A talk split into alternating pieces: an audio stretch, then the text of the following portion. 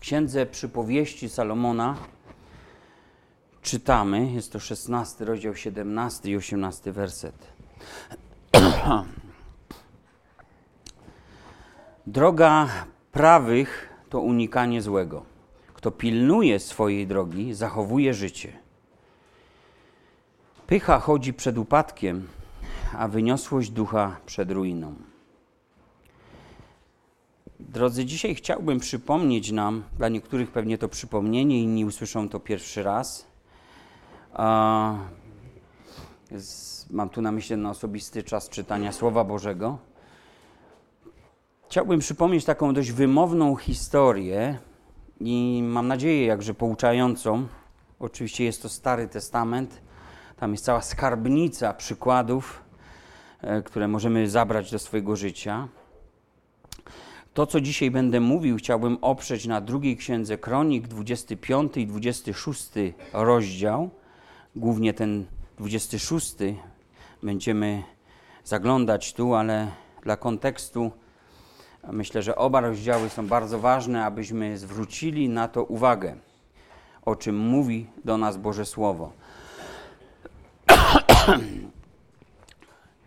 Ta historia jest przestrogą dla mnie, dla każdego z nas.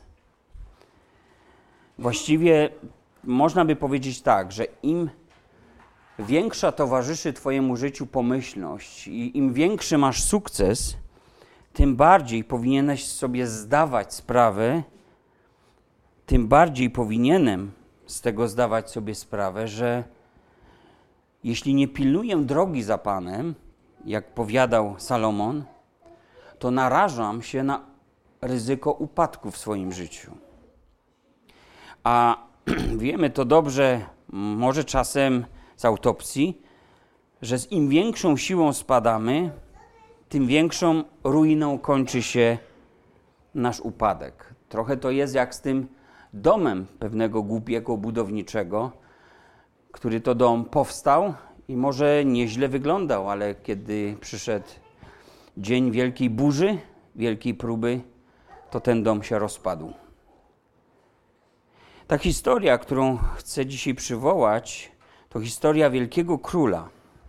Ten król miał na imię Uzjasz. Jego imię w języku hebrajskim, gdybyśmy chcieli dotrzeć do znaczenia, to ono znaczy Bóg jest moją siłą. I rzeczywiście, gdy spojrzymy za chwilę na tego człowieka, to faktycznie widzimy niezwykłą osobowość, ogromny potencjał intelektualny, sporą mądrość, wielkie możliwości i wszystko to ten człowiek zawdzięczał Bogu, a nie sobie. Uzjasz został królem w dość młodym wieku. Objął rządy w zrujnowanym zupełnie i ograbionym kraju. Przepraszam. Miał wtedy 16 lat. A więc jak na króla, no to dość szybko zasiadł u sterów państwa, prawda? Jak na, taką, na taki wiek i taką rolę, to wydaje się, że to bardziej był jakiś eksperyment. No, bo nie trzeba długo dedukować nad tym, żeby zrozumieć, że szesnastolatek właśnie w tej roli, no to może być ogromne ryzyko dla całego kraju. Myślę, że tak jest do dzisiaj, że zwracamy uwagę na kompetencje.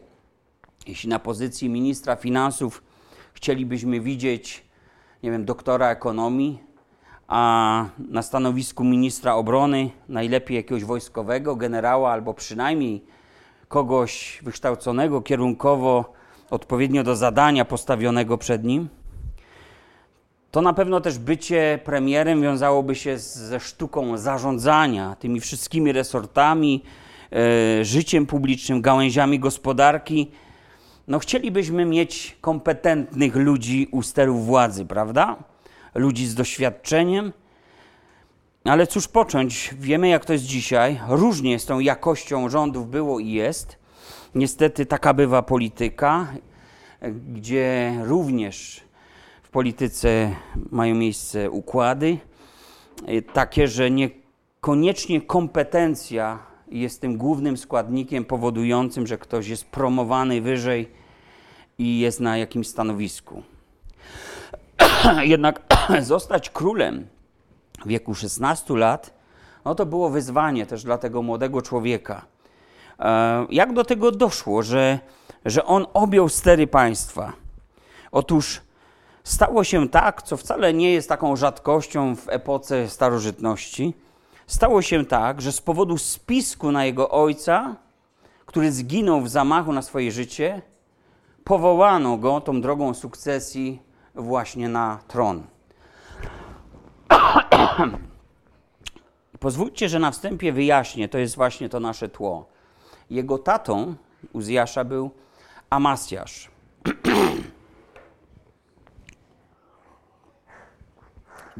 Amasjasz był królem Judy. Państwo wtedy było podzielone na Królestwo Północne i Judę. Biblia mówi, że czynił on to, co prawe w oczach Pana, jednak nie ze szczerego serca. O co chodzi? Chodzi o to, że słowo Boga ten człowiek traktował tak trochę wybiórczo, a więc tam je stosował, gdzie widział w tym jakąś osobistą korzyść. Słowo Boga stosował tylko tam, gdzie widział jakieś z tego profity. Oczywiście musimy sobie powiedzieć jasno, że słowo Boga, czyli Tora, jaką posiadali, to był zarówno kodeks moralny, to był kodeks obrzędowy, religijny, ale to był też kodeks cywilny i administracyjny. Więc po prostu król musiałby być z tym obeznany. Jednak, jednak Amasjasz zachowywał się jak polityk. Zapewniał sobie potęgę, wycinając w pień wewnętrznych wrogów, e, a potem zawierał różne sojusze, e, na przykład synów tych swoich wewnętrznych wrogów potrafił mianować na wysokie stanowiska, a więc chociaż mogli stracić życie, być skróceni o głowę, to jednak sojusz polegał na tym, że zapewniał im dostatnie życie, ale w całkowitej zależności od władzy królewskiej. I takie to były jego sojusze, a za jeden z nich był gotów zapłacić naprawdę bardzo sowicie. Pewnego razu przyszedł do niego prorok, do tego Amasjasza i zapytał: Po co ci ten sojusz z Izraelem, z tym królestwem tam na północy? Niech nie wyrusza z tobą wojsko Izraela, gdyż Pan nie jest Izraelem. Pan nie jest Izraelem. I prorok powiedział mu: Lecz wyrusz sam, działaj, wytrwaj dzielnie w boju. W przeciwnym razie Bóg przywiedzie cię do upadku wobec nieprzyjaciół. Bóg ma bowiem moc, by wesprzeć, ale i przywieźć do upadku. 25 rozdział, 8 werset.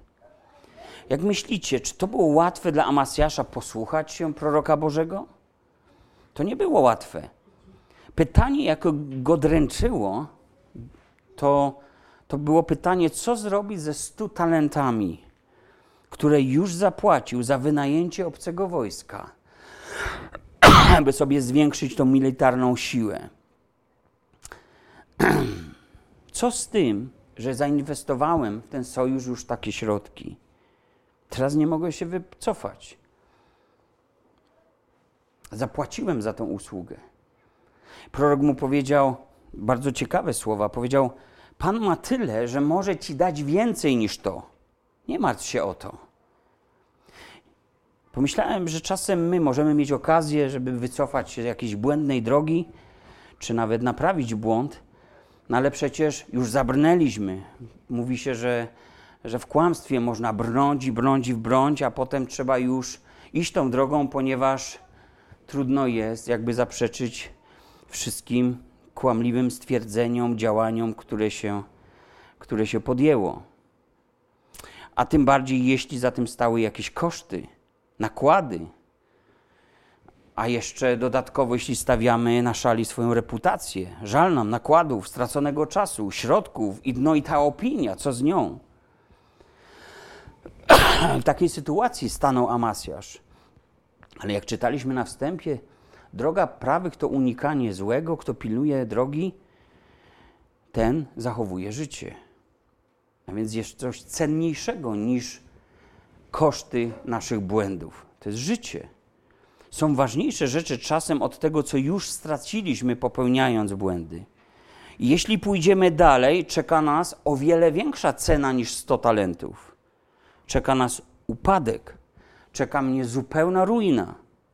I Amasjasz nabrał po tej rozmowie, wiecie, odwagi, powiódł lud zbrojny, rezygnując z tego sojuszu. Pieniądze oczywiście przepadły i zwyciężył, nie wikłając się w żaden kompromis, odniósł zwycięstwo bez tego układu. Lecz ten sam król podczas tej kampanii wojennej popełnił kolejny błąd. Może taka już dola polityka. Mianowicie sprzeniewierzył się Bogu, bo z tego podbitego kraju przyniósł ze sobą, przywiózł ze sobą bóstwa Edomitów i ustanowił je swoimi bogami. Być może wydawał mu się to dobry polityczny ruch, no bo po poddaniu sobie tego kraju dodatkowo zjednoczył się z tym krajem w sposób religijny. A więc próba występowania teraz przeciwko sojusznikom religijnym mogłaby rozgniewać naszych wspólnych bogów. A więc bądź co bądź granica na południu była w miarę zabezpieczona i siłowo, i od strony religijnej. I choć uniknął tego pierwszego sojuszu, natychmiast, zobaczcie, wszedł jakiś inny, bardziej może skomplikowany, taki głębszy, duchowy, nieprawy oczywiście, jeszcze gorszy w skutkach. I za ten czyn przyszło mu, skracając tą historię, zapłacić bardzo, bardzo słono. Gniew Pana rozgorzał na Amasjasza, 25 rozdział nam o tym mówi. I wtedy doszło słowo Pana znowu proroka, który stanął przed tym królem i powiedział: Dlaczego szukasz bogów ludu, którzy swego ludu nie wyrwali z twojej ręki? Odpowiedź króla była szybka, może nieprzemyślana. Powiedział: Czy ustanowiliśmy cię doradcą króla? Przestań, dlaczego mają cię zabić? No i prorok przestał, lecz zapowiedział temu królowi upadek. I pismo mówi, że Amasjasz, król Judy, po tej zwycięskiej kampanii, myślał wyniośle o sobie, zlekceważył króla północy, poczuł się pewnie i wyzwał go do bitwy, do, wo do wojny. Zachodziłem w głowę, co też strzeliło temu człowiekowi. Przecież miał pokój z południa, pokój z północy. Ale być może powodem były te nieodżałowane pieniądze. Być może z powodu niezwróconych 100 talentów złota, które stracił wcześniej, rezygnując z pomocy już opłaconej armii Izraela, właśnie podjął takie kroki. No a zwrotu środków nie było, prawda? Kiedy ty zamawiasz jakąś usługę, wpłacasz już jakieś pieniądze na poczet tej usługi, a potem z niej rezygnujesz, czy nie jest tak, że chcesz zwrotu tych środków? No ale ktoś tam po drugiej stronie podjął już jakieś działania. W przypadku tego króla może zebrała się armia, zewsząd ci ludzie zjechali się. Trzeba było wszystkich dozbroić, trzeba wszystkich było wyżywić, trzeba wszystkich było przygotować. A potem przyszła ci wiadomość, a rezygnuję z was. No ale co z tymi stoma talentami złota? Co z tymi pieniędzmi? I wiecie, wtedy król Izraela posłał do niego taką wiadomość. 25 rozdział 19 werset. Myślisz sobie, oto pobiłem Edomczyków, więc serce twoje wzbiło się w pychę, aby się przechwalać. Lecz pozostań w swoim domu. Po co wyzywasz nieszczęście? Przecież upadniesz ty i Juda wraz z tobą. A Masjasz jednak nie usłuchał. Nie usłuchał.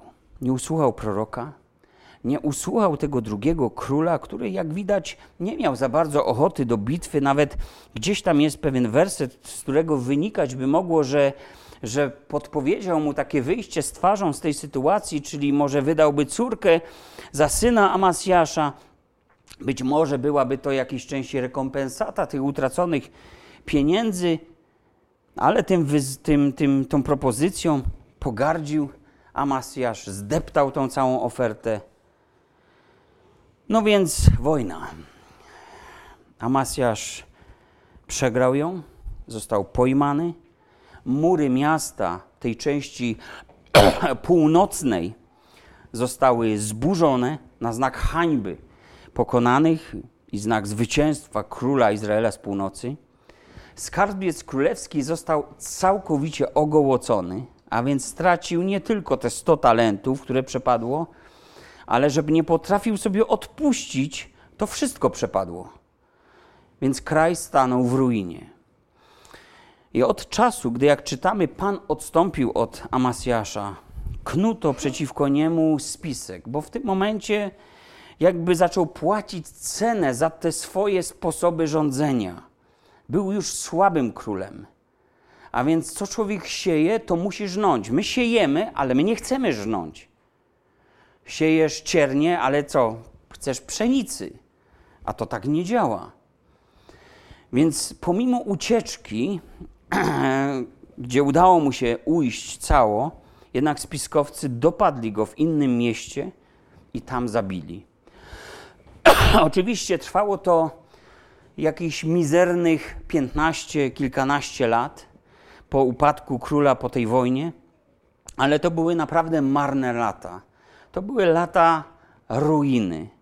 E, I już nigdy ten człowiek nie podniósł się ze skutków swojej pychy.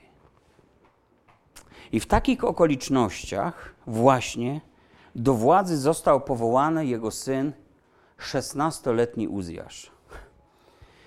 No więc wiecie, to jest troszkę sytuacja, jak gdyby 16-latka powołać zaraz po II wojnie światowej. Wszystko zburzone. Nie ma nic.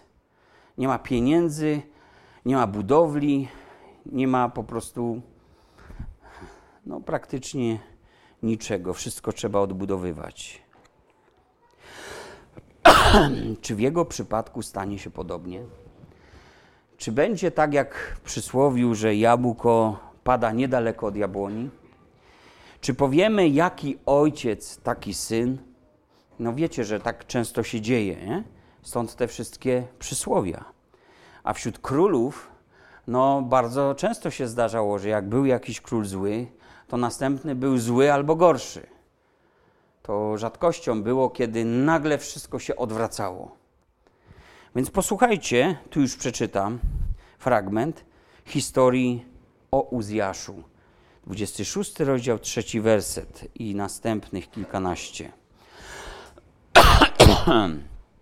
Uzjasz miał 16 lat, gdy objął władzę królewską, a panował w Jeruzalemie 52 lata. Jego matka miała na imię Jekolia, a pochodziła z Jeruzalemu.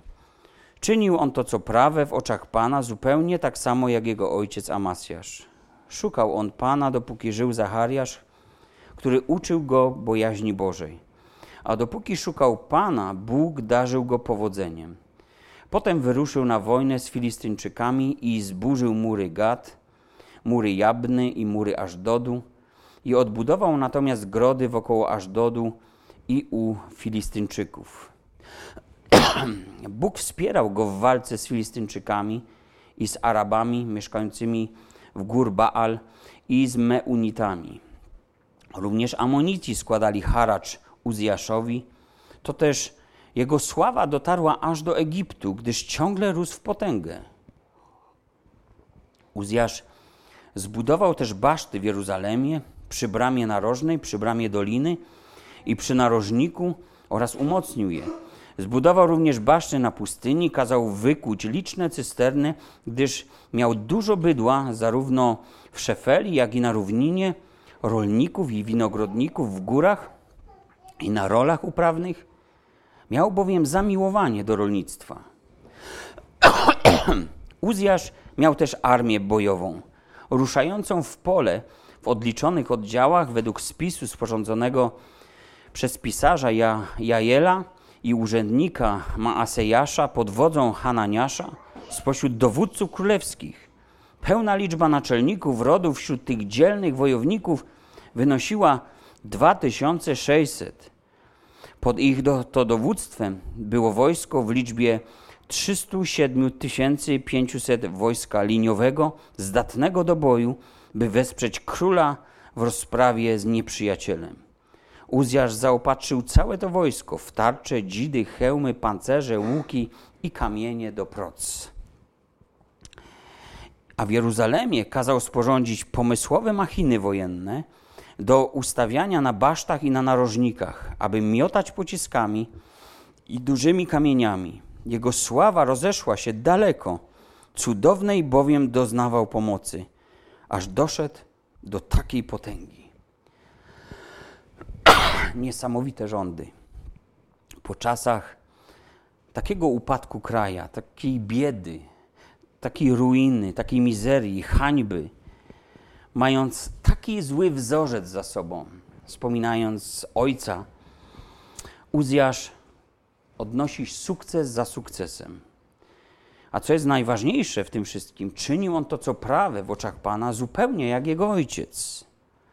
Z tą różnicą, że w życiu Uzjasza nie było tej nieszczerości, nie było tego pokrętnego politykowania i tego wykorzystywania Słowa Bożego tylko tam, gdzie jest mu to wygodne. A gdy to nie było korzystne, to on nikogo nie słuchał. I Uzjasz nie był taki jak jego ojciec. Popatrzmy, w jakich dziedzinach, jakbyśmy to chcieli zebrać, życie w życiu Uzjasz odniósł pomyślność, sukces. osiągnął, co się tak wybija, osiągnął sukcesy militarne, pokonując wszystkich swoich wrogów, a walczył na wielu frontach. Osiągnął sukcesy zbrojeniowe, ponieważ wyprodukował nowoczesne machiny wojenne, uzbroił tą armię należycie. To był geniusz konstrukcyjny owych czasów. Zreformował tą armię, opracował nową taktykę wojenną Osiągnął także sukcesy w budownictwie. Powstawały nowe miasta, pieły się mury obronne. Ta hańba została zmyta.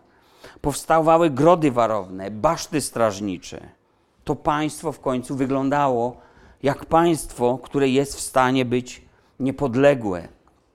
Uzjasz osiągnął sukcesy także w rolnictwie opracował nowy system irygacyjny, miał zamiłowanie do rolnictwa, to on właśnie do tego miał rękę. To było to coś, co najbardziej mu się podobało.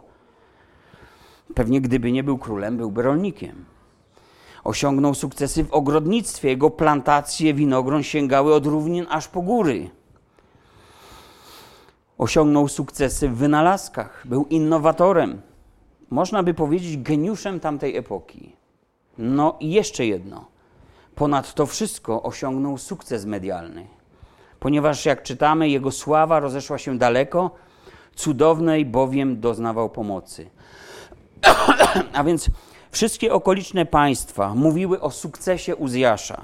Dziś powiedzielibyśmy, że gdyby to się wydarzyło w naszych czasach, że wszystkie portale internetowe, że media huczą, że gazety piszą, nagłówki, wszystkie mówiłyby o tym samym o niebywałym sukcesie Uzjasza po czasach mizerii, ruiny, upadku, że, że to dowodzi tego, że jeden człowiek wystarczy, żeby podnieść cały kraj z takiego dołka, z takiego bagna.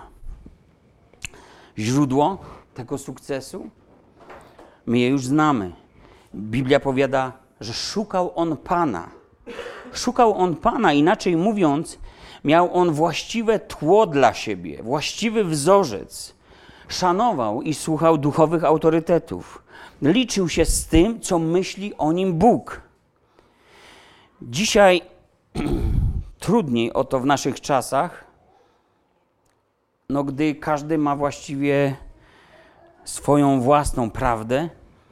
Apostoł Paweł, pisząc do Tymoteusza, mówi, że przyjdą czasy, można powiedzieć, co by nie powiedzieć o tych późniejszych czasach, to, to nasze są późniejsze, że przyjdą czasy, że ludzie nazbierają sobie nauczycieli, rządni tego, co ucho łechce, a inny przekład pisma mówi, że ludzie będą skłonni do słuchania tego, co odpowiada ich własnym upodobaniom i otoczą się nauczycielami przyklaskującymi im.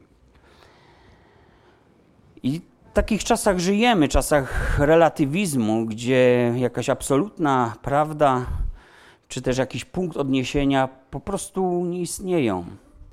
I ludzie dzisiaj mało troszczą się o to, aby wiedzieć, co zrobić, pytając najprzód Boga, zanim podejmie się jakąś ważną decyzję dla swojego życia, rodziny, kościoła czy kraju.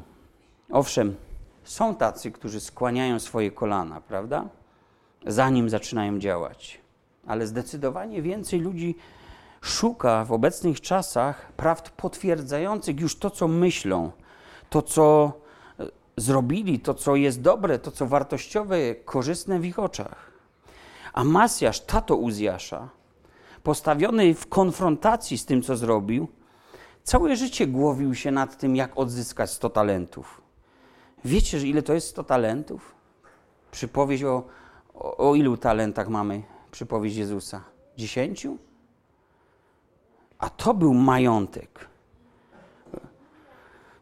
A tu o 100, talent, o 100 talentów chodziło. Innymi słowy, ten człowiek popełnił błąd, za który nie chciał ponieść ceny. I robił wszystko, aby nie zapłacić tej ceny.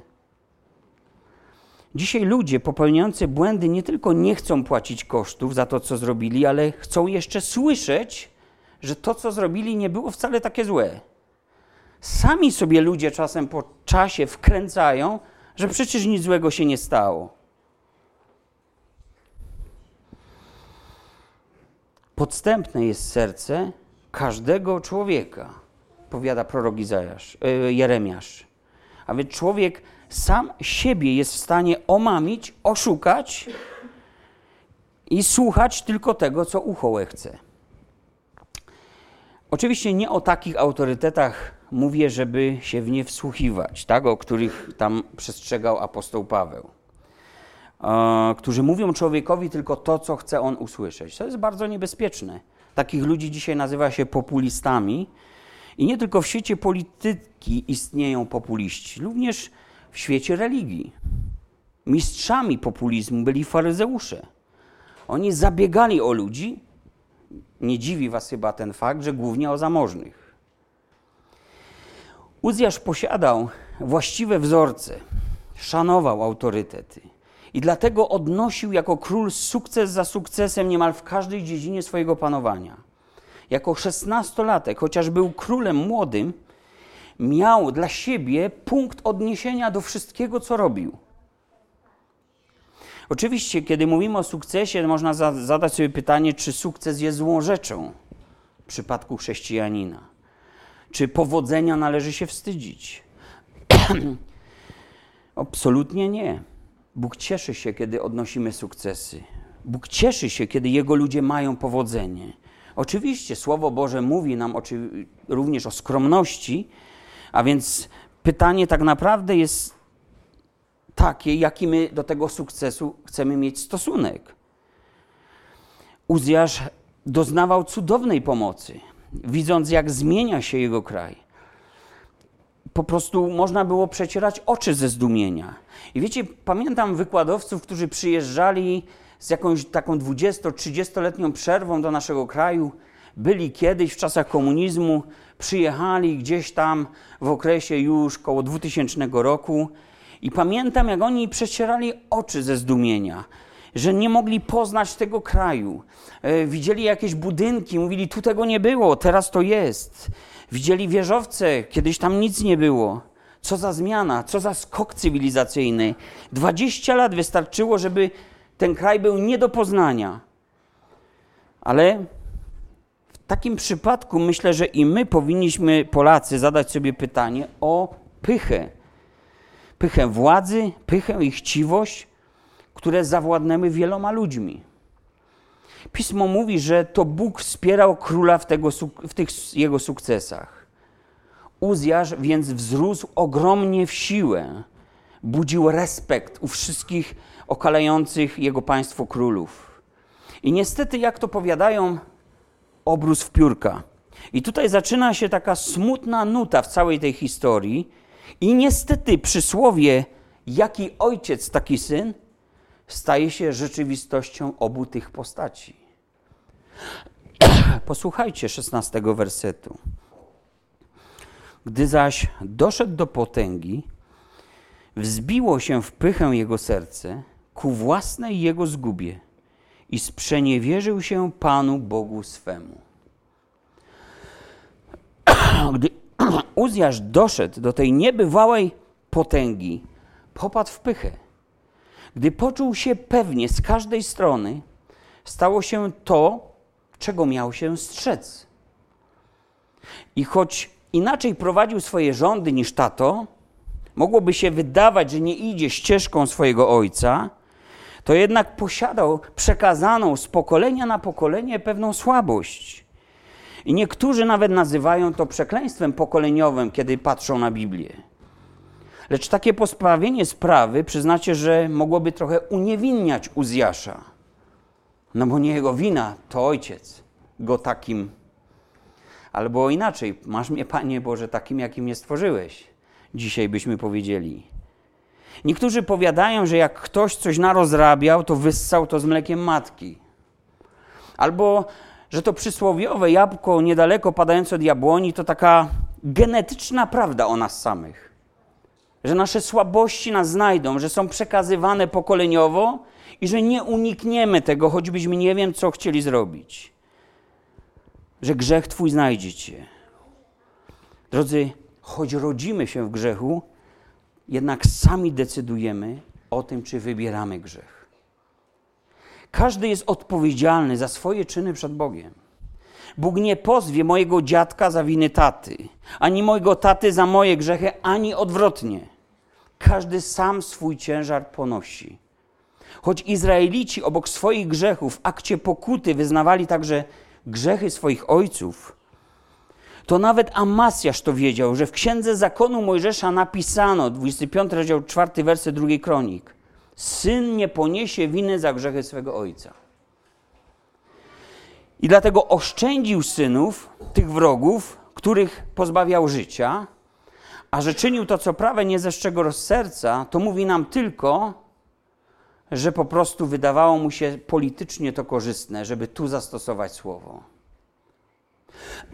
Innymi słowy mówiąc, cokolwiek zrobił złego mój, twój ojciec, jakimkolwiek człowiekiem był, może był złym ojcem, pismo mówi czci ojca swego i matkę twoją, aby ci się powodziło i abyś długo żył na ziemi. To jest jedyne przykazanie Boga z obietnicą. A więc szanuj swoich rodziców ze względu na Pana i Jego słowo, jeśli nie potrafisz tego robić, ze względu na to, co oni tobie wyrządzili. Jeśli odeszli, zachowuj dobrą pamięć po nich ze względu na przykazanie Boga. Jeśli w Twojej pamięci są tylko niemiłe wspomnienia, przebaczaj, jeśli nie potrafisz zapomnieć. I pamiętaj, zawsze masz wybór nie być takim, jakim Twój tato. Oczywiście ufam, że pomimo niedoskonałości ludzkiej, większość z nas, może wszyscy, mieliśmy udane rodziny i dobrych ojców, więc yy, możemy także pójść w ślady tego, co dobre, ślady naszych rodziców. Ale tak to jest, że gdy Bóg stworzył człowieka, to na podobieństwo swojego stworzył, ale gdy Adam zrodził swojego syna, to czytamy, że zrodził go na własne podobieństwo.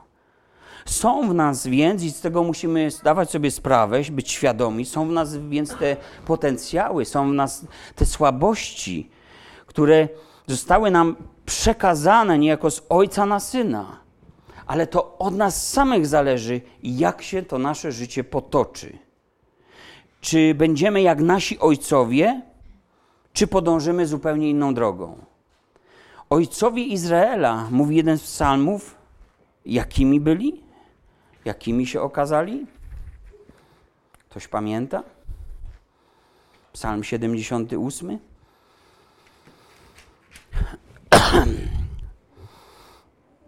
Ten psalm mówi, żebyśmy nie zatajali przed synami swymi i opowiadali przyszłemu pokoleniu dzieła Pana, chwalebne czyny Pana. Że mają pokładać nadzieję w Bogu i nie zapominać o dziełach Bożych, lecz strzec przykazań Jego, żeby nie byli jak ojcowie ich, pokoleniem przekornym i niewiernym, pokoleniem niestałego serca, którego duch nie był wierny Bogu, synowie Efraima, łucznicy, uciekli w dniu boju. Nie strzegli przymierza Bożego, a według zakonu Jego nie chcieli postępować. Zapomnieli o czynach Jego i o cudownych dziełach, które im ukazał. To od nas zależy, czy będziemy jak nasi ojcowie, czy inną drogą pójdziemy. Czy będziemy niestałego serca i niewierni Bogu, czy odwrotnie. Lecz ich synowie i wnuki też mieli wybór. Też mieli wybór, żeby nie pójść złą drogą. Dlatego oprócz swoich grzechów Izraelici wyznawali grzechy swoich ojców. Nie z powodu ciążącej na nich winy, ale z powodu pewnej deklaracji stawianej przed Bogiem, że odcinają się od tego sposobu myślenia i tego sposobu życia, jaki widzieli w swoich domach, u swoich rodziców. Skądinąd to jest też ważna prawda, że my rodzice kształtujemy swoje dzieci. I znowu uderzę przysłowiem, czym skorupka za młodu nasiąknie, tym trąci na starość. Te rzeczy, te przysłowia ludowe nie biorą się z powietrza. Wracając do tekstu, krótko mówiąc, stało się coś niewłaściwego w życiu Uzjasza. Do tego sukcesu, który osiągnął, zaczął mieć niewłaściwy stosunek. Podobnie zresztą jak jego ojciec po wygranej bitwie z Edomem. Zmieniło się jego myślenie o sobie i o tym, co go otacza. Zobaczcie, jak się objawiła ta jego pycha, i to jest ta druga część wersetu 16. Sprzeniewierzył się Bogu swemu, wszedł mianowicie do przybytku pańskiego, aby złożyć ofiarę z kadzidła na ołtarzu kadzenia. No i może się nam to wydawać dziwne, no przecież to król. Królowi to wolno chyba niemal wszystko. No właśnie, czy królowi było wolno wszystko? To, co zrobił, nie należało ani do jego obowiązków, ani do jego przywilejów. Mało tego, ta rzecz, którą zrobił, była zakazana prawem dla władzy królewskiej, tym prawem Słowa Bożego. Tylko kapłan mógł składać ofiarę na ołtarzu kadzenia. I ta rzecz była więc przypisana niezbywalnie komuś innemu. Takie było Boże postanowienie. I król z racji tego nie miał namaszczenia od Boga, aby wchodzić w kompetencje kapłanów. On miał trzymać się władzy królewskiej i nie dotykać się tego, co należało do innych. Bóg go do tego nie powołał, a król się w tej roli chciał odnaleźć, postawił się w tej roli. Powołał samego siebie do składania ofiary. Dał prawo sobie na to, na co prawa mu nie udzielił Bóg. Pierwszym krokiem pychy zazwyczaj jest właśnie przekroczenie takiej moralnej granicy. Kiedy dajesz sobie prawo na to, na co prawa ci nie udzielił Bóg. Jak do tego doszło? Gdzie właściwie jest tego początek? Bo wydaje się, że jeżeli potrafimy uchwycić na początku taką drogę biegnącą w kierunku ruiny, to jesteśmy w stanie zatrzymać się, prawda? To jeszcze nie jest taka równia pochyła, taka ślizgawka, że już bezwładnie spadasz na dół. Uzjasz, zwróćmy uwagę na to, na piąty werset. Uzjasz szukał Pana, dopóki żył kapłan Zachariasz, który uczył go bojaźni Bożej, a dopóki go uczył, Bóg darzył go powodzeniem. A więc gdy zabrakło wzorca, gdy zabrakło tego człowieka, który konfrontował króla ze Słowem Bożym, wtedy zaczyna się jego upadek. To Zachariasz był tym, który zwracał uwagę królowi na to, co myśli Bóg, co mówi Bóg i co należy uczynić i jak się zachować, by żyć zgodnie ze Słowem Bożym. I Uzjasz, myślę, że więc w tym momencie, kiedy odszedł Zachariasz, odrzucił to słowo odrzucił Bożą wolę, odrzucił Boże normy i Boże zasady i nie stało to się z dnia na dzień. Bo wiecie, że królowie wiedzieli, jaka jest wola Boża. Bóg nie ukrywał przed nimi Bożej woli. Oni oczywiście musieli podjąć pewien wysiłek i dochodzić tej woli Bożej. Podobnie myślę, że ludzie pyszni też na ogół znają prawdę, lecz ignorują tą prawdę nie są jej posłuszni, a nie są, bo nie chcą jej przyjąć. Bo jest w nich na to pewien świadomy sprzeciw. Pragną to, czego sami chcą. zgodnie z porządliwościami, rządzami, pragnieniami, które właśnie nimi targają. Zwróćcie uwagę na pewną ważną rzecz, która dotyczyła życia królów. Piąta Księga Mojżeszowa, 17 rozdział, od 18 do 20 wersetu. To było przykazanie dla każdego króla. A gdy zasiądzie na swoim królewskim tronie, niech sporządzi sobie na zawoju odpis tego prawa od kapłanów lewitów.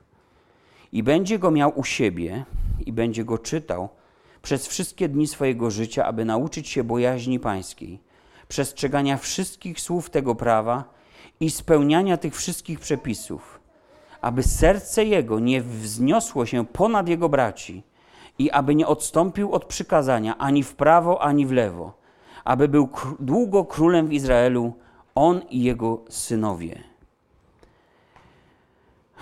Królowie rozważali słowo Boga, aby ich serce nie wyniosło się ponad braci. Władza, drodzy, jeśli nie posiada odwołania do jakiegoś autorytetu, to autorytetem władzy staje się własna rządza. Możesz zadać pytanie, a czego może żądać władza? Więcej władzy. Uzjasz nad Bożą wolę postawił swoją własną, i to jest klasyka pychy. Jego serce wzbiło się ponad braci jego, i chociaż kilkudziesięciu kapłanów stanęło okoniem przeciwko temu, co chciał zrobić, żadnego z nich nie posłuchał. On już miał takie tunelowe myślenie. Liczył się tylko ten cel, jego racja, jego przekonanie. To samo zrobił diabeł, gdy zbuntował się przeciwko Bogu, o czym mówi Biblia. To samo zrobili Adam i Ewa w ogrodzie Eden, kiedy zgrzeszyli. Postawili się w roli, która dla nich nie była. To była rola do określania tego, co jest dobre, a co złe, co jest właściwe, a co nie jest właściwe. A ta rola należy zawsze do wszechmogącego, doskonałego, świętego Boga. To On ma być dla człowieka punktem odniesienia w sprawie dobra i zła, w sprawie tego, co uznamy za moralne i niemoralne. Grzesznik nigdy nie będzie doskonałym arbitrem w tej sprawie. Oczywiście pierwsi ludzie mogli pomyśleć, że przecież nie są grzesznikami, tak? Zresztą ten termin chyba wtedy jeszcze nie istniał. Ale dali się zwieść diabłu, który już doskonale znał smak grzechu i buntu. Bóg to określa, nie my, co jest dobrem, co jest złem. Bóg jest prawodawcą, ustala normy. I zobaczmy, że stawiamy się w miejscu Boga, gdy chcemy określać samemu, co jest dla mnie dobre, a co jest dla mnie złe. Po czym to człowiek określa? Po tym, jak się czuje? Po tym, czy coś sprawia mu przyjemność lub nie sprawia mu przyjemności? To w ten sposób mierzymy dobro, zło? Coraz częściej ludzie mierzą dobro pod kątem tego, czy po prostu się dobrze w tym czuje. Tylko spójrzcie właśnie, jak świat argumentuje zasadność zmian w innych kwestiach moralnych, na przykład w kwestiach małżeństw, w kwestiach aborcji, w kwestiach eutanazji i wielu innych sprawach nurtujących ludzi. Bóg jest absolutnie moralny, a człowiek z natury nie. I na tym polega cały problem. Więc to Bóg musi określać, co jest dobrem, a co złem. I jeśli stracimy ten punkt odniesienia, jak stracił go świat, wtedy czeka nas co? Pycha chodzi przed upadkiem, a wyniosłość ducha przed ruiną. Skąd weźmiemy wzorzec? No dla króla, dla każdego właściwie trzeba powiedzieć, słowo Boga jest tym niezmiennym wzorcem. Mądrzy ludzie nigdy nie porzucają swojego punktu odniesienia. A więc jeśli chcę wiedzieć, jeśli chcesz wiedzieć, w którym miejscu jesteś w swoich przekonaniach, decyzjach, działaniach, planach na życie, ambicjach, jeśli chcesz wiedzieć, na jakiej drodze stoisz, szerokiej, która wiedzie na stracenie, czy wąskiej, tej do życia wiecznego, to przestań słuchać ludzi, tylko otwórz Biblię. Pismo o sobie mówi, że jest światłem życia, pochodnią nogą naszym, że jest zwierciadłem, w którym możesz się przejrzeć i po raz pierwszy uczciwie zobaczyć, jak jest naprawdę. Oczywiście, że ludzie nie chcą się tam przeglądać, bo, bo nie chcą nic zmieniać. A jeśli już chcemy coś zmieniać, to raczej mamy swój plan na to. I trudno się przyznać, że on nie działa. Uzjasz sam dla siebie stał się Biblią, bo taka jest natura pychy. Postawił się w rolę, która nie była na, dla niego, wszedł w cudzy urząd, poszedł za nim kapłan, czytamy Azariasz, i jeszcze w liczbie 80 innych kapłanów, zanim się udali, i oni mu powiedzieli, żeby tego nie, nie robił. Sprzeciwili się królowi. Zaryzykowali życiem, bo przecież wiedzieli, że jego tato był dość porywczy i sprzeciw karał jak? Wytracał wewnętrzną opozycję. Powiedzieli mu: Nie dopuść się zniewagi, gdyż nie przyniesie ci to chwały przed Panem Bogiem. 18 werset 26 rozdziału. Nie przyniesie ci to chwały. Jak król zareagował?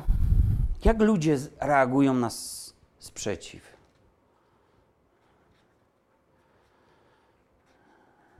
Kiedy porządliwość pocznie, rodzi grzech. Kiedy człowiek pożąda już czegoś tak bardzo i nagle ktoś stanie mu na drodze, to wiecie, jaką jest pierwsza z reakcji? Najczęstsza? Gniew. Gniew, złość, agresja. I właśnie to widzimy. Król rozgniewał się na tych ludzi, nie uszanował 80 duchowych autorytetów, nie uszanował ich głosu.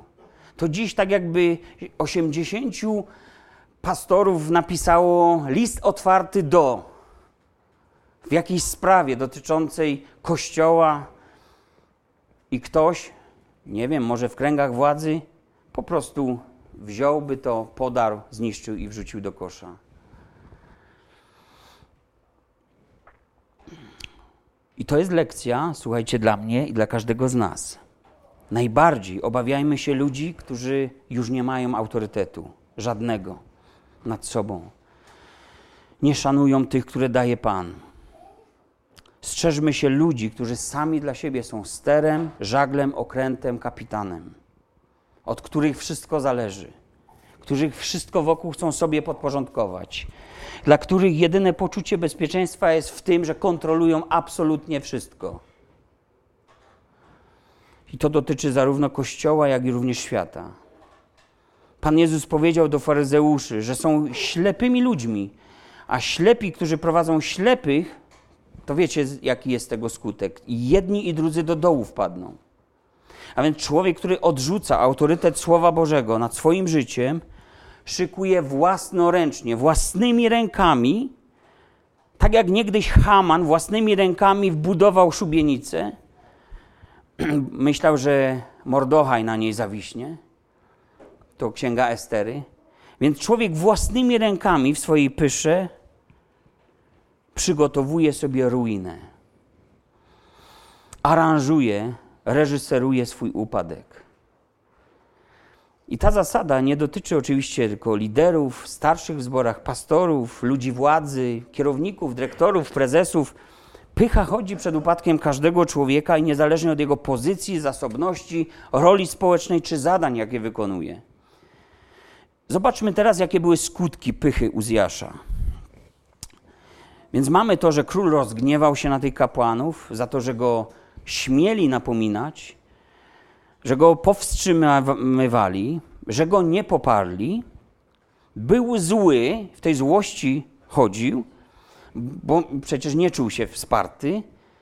Może tak też dzisiaj trzeba by powiedzieć, że ktoś może mm, być tak egoistycznie zagniewany, ponieważ nie usłyszał poklasku, niezadorowany, nieskomplementowany. Ten gniew, frustracja mogą prowadzić człowieka przecież do większych problemów, co widzimy. I zobaczcie, co się stało. W tym gniewie wystąpił trąd na czole króla. Ta informacja jest ważna, bo ten trąb wystąpił w widocznym miejscu. Dla wszystkich więc stało się to jawne, że król popadł w pychę i został przez samego Boga ukarany. Trąd, który, o którym mówi Biblia, zazwyczaj ma też metaforyczne jakieś odniesienie, bo jest symbolem grzechu. A ten stał się widoczny dla każdego.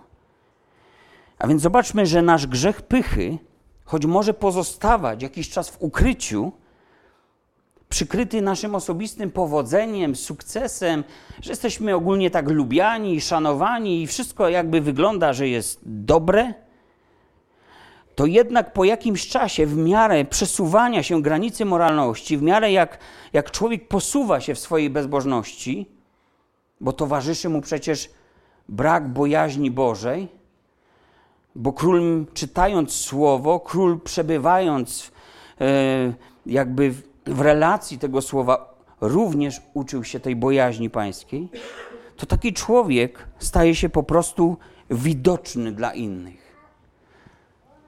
Jest jak trąd na czole króla. Taki grzech staje się widoczny. I to zobaczcie, co się stało dalej. Czytamy, że wtedy użyto wobec króla siły.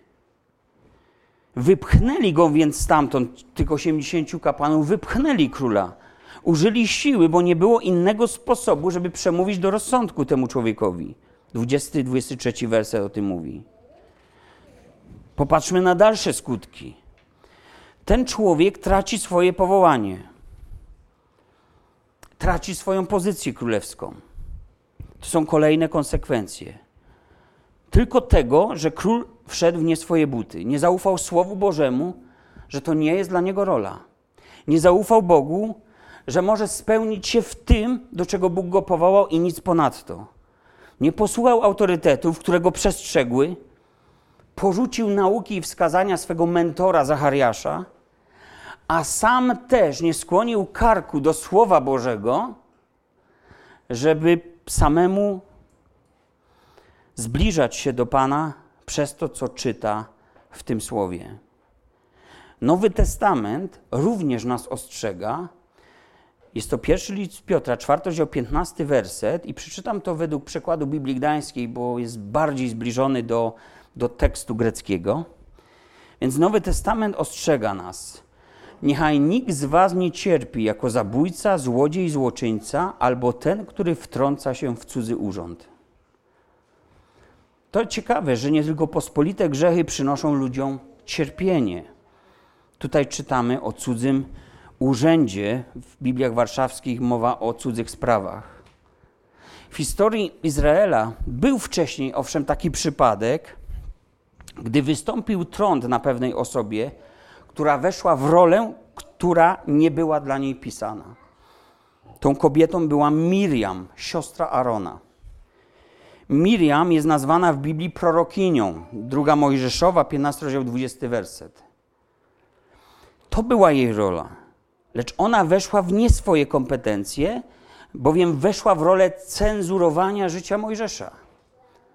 Oskarżyła go o pychę i o autorytaryzm. Szemrała też przeciwko żonie Mojżesza, no Sypora, Midianitka, pff, gorszego sortu, to nie nasza. I Bóg położył temu kres. Przyszedł moment, w którym Bóg powiedział dość i czytamy, że Pan to usłyszał. Skracając tą historię, Miriam obsypała się cała trądem i wszyscy w Izraelu, w zborze Izraela, zobaczyli, że to, co ona w skrytości robiła, bo szemranie to jest, wiecie, na ucho, że to, co robiła w skrytości, w istocie rzeczy było grzechem, a nie żadną mądrością czy aktem odwagi. Aaron, jej mąż, nazwał to wprost. Powiedział, że to jest głupotą. Sprawdźcie, tak jest napisane. Że głupotę popełniła.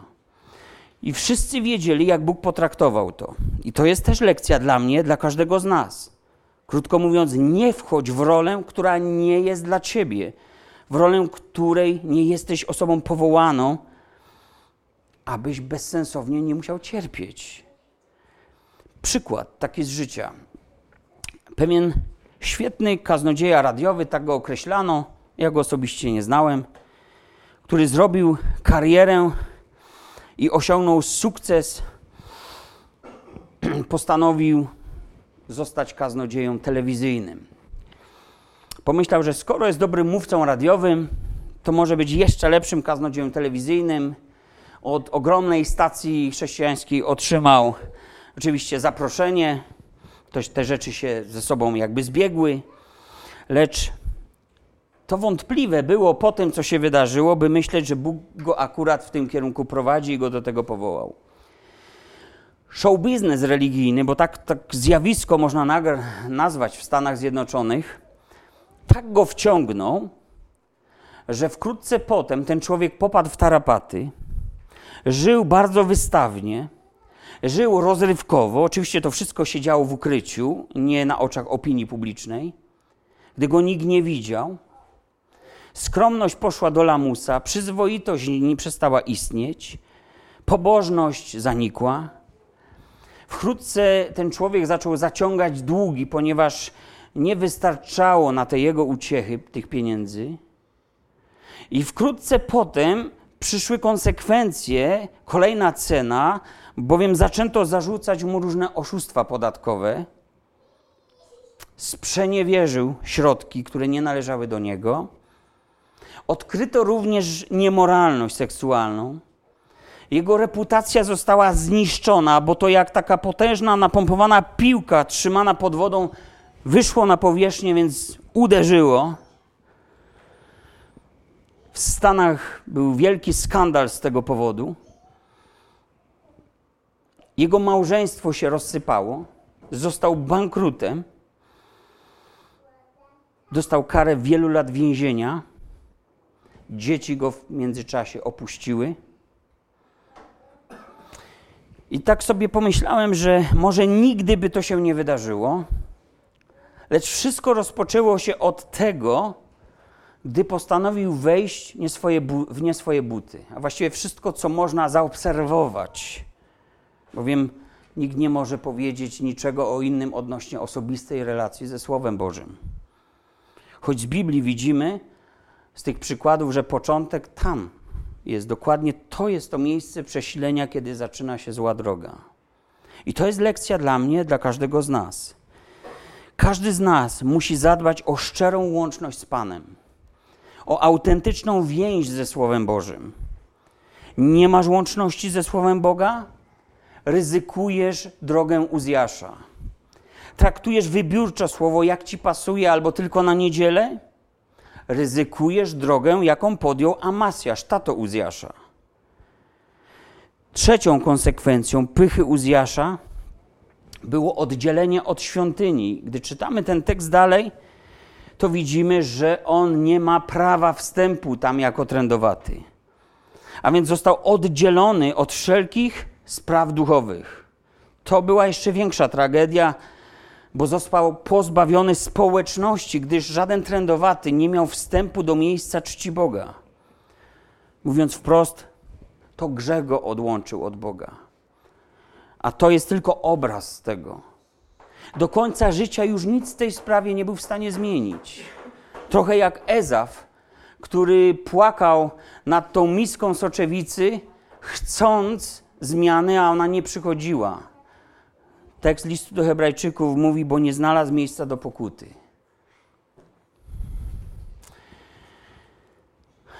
Na zawsze pozostał odludkiem religijnym. A potem doszła do tego jeszcze kolejna tragedia izolacja od rodziny i społeczeństwa. No bo pyszni ludzie są w pewnym momencie coraz bardziej izolowani. Nie wiem, jak wy się czujecie wśród ludzi wyniosłych, ale decydują o tym uwarunkowania psychologiczne. Po prostu tak jest, że od pysznych, pysznych ludzi, tych napuszonych, którzy zawsze wszystko lepiej wiedzą, ludzie się dystansują. A jeśli nie mamy takiego wyboru, to wiecie jak to jest? Jednym uchem się wpuszcza, a drugim wypuszcza. Jeśli mój tato byłby takim pysznym człowiekiem, no to, no to wpuszczasz jednym uchem, a drugim wyskakuje, tak? Na koniec, bo to nie jest jeszcze koniec, na koniec widzimy śmierć Uzjasza w zupełnym osamotnieniu nie wiem, jak sobie orszak żałobny wyobrażamy. Są ludzie, którzy sobie już wyobrażają swoje pogrzeby. Co ma być, jak ma być, jaka muzyka, kto ma zagrać, kto to, kto tamto, jakie kazanie ma być, jaki psalm odczytany. Zapomnijcie, zupełnym osamotnieniu.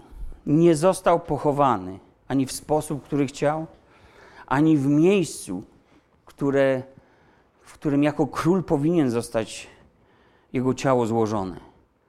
Nie został bowiem pochowany wraz ze swoimi ojcami w grobach królewskich, jak poprzednicy, ale jak widzimy, obok nich.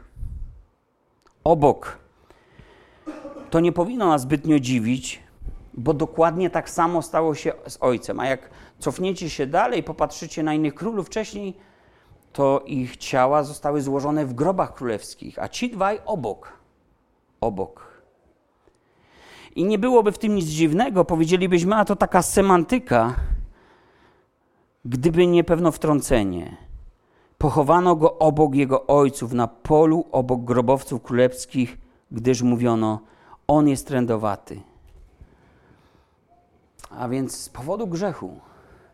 Z powodu grzechu uznano, że nie jest godny, aby znaleźć się w tym miejscu, niech leży obok.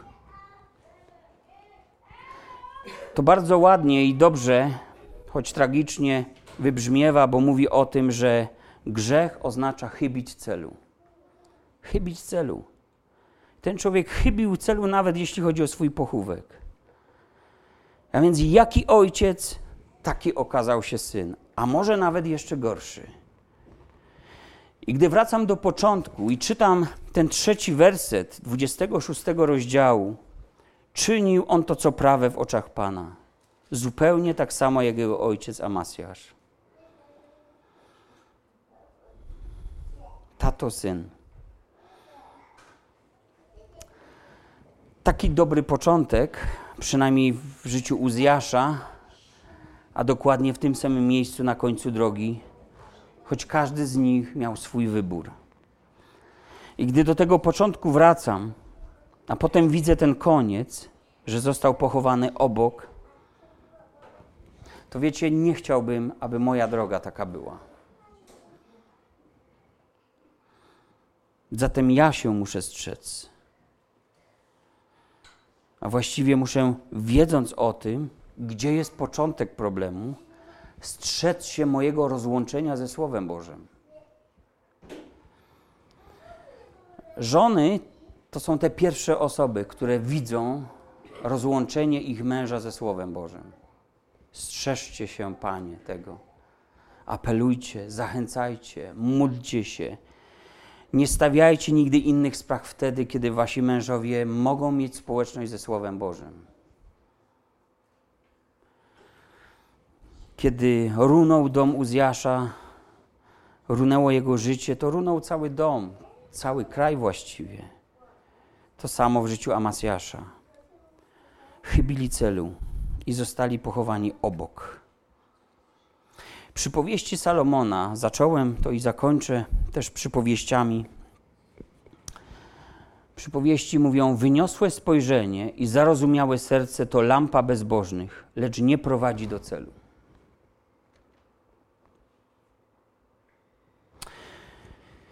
Straszna jest pycha. Czy wobec tego na pysznego powiemy nie ma mocnych, nie ma na to siły? Nie ma takiego sposobu i nie ma takiego człowieka, który dałby pysznemu radę albo lekcję życia, który by przemówił do pysznego w taki sposób, żeby on nabrał rozumu, żeby zatrzymał się, żeby wyrwać go z jego pychy. Czy powiedzcie, czy to jest sytuacja już beznadziejna, choroba nieuleczalna? Bać się Pana znaczy nienawidzić zła. Tak? Jakiego zła? Cytujemy ten tekst i tu robimy kropkę, podczas gdy werset dalej mówi: Nienawidzę buty i pychy, złych postępków oraz przewrotnej mowy. Przypowieści 8:13. Czy jest lekarstwo na pychę? Czy Biblia podaje jakieś lekarstwo? Może oczywiście powiemy, sama Biblia jest lekarstwem, ale jest coś jeszcze na czym właściwie chcę się zawiesić na te dwie, trzy minutki, aby zostawić nam coś do refleksji. Jest lekarstwo. Na grzeszną pychę lekarstwem jest prawdziwa pokora. Ewangelia Mateusza, 11 rozdział, 29 werset. czytamy takie słowa: Weźcie na siebie moje jarzmo i uczcie się ode mnie, że jestem cichy i pokornego serca, a znajdziecie ukojenie dla dusz waszych. Pyszny człowiek z pewnością nie potrafi znaleźć ukojenia. Bo pycha jest niepohamowana, jak mówi Biblia, nieposkromiona, nigdy nie jest jej dość. Podobnie jak z chciwością. Człowiek znajduje ukojenie dopiero w społeczności z Panem, w poddaniu się pod jarzmo. A jarzmo to pewien obraz Starego Testamentu. Jarzmo było zaprzęgiem dla pary wołów.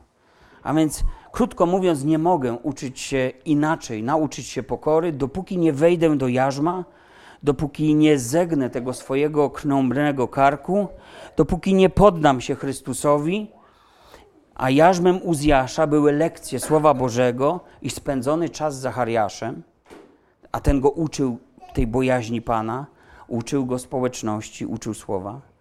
A więc możemy powiedzieć, zapelować sami każdy do siebie, nie opuszczaj swojej lekcji.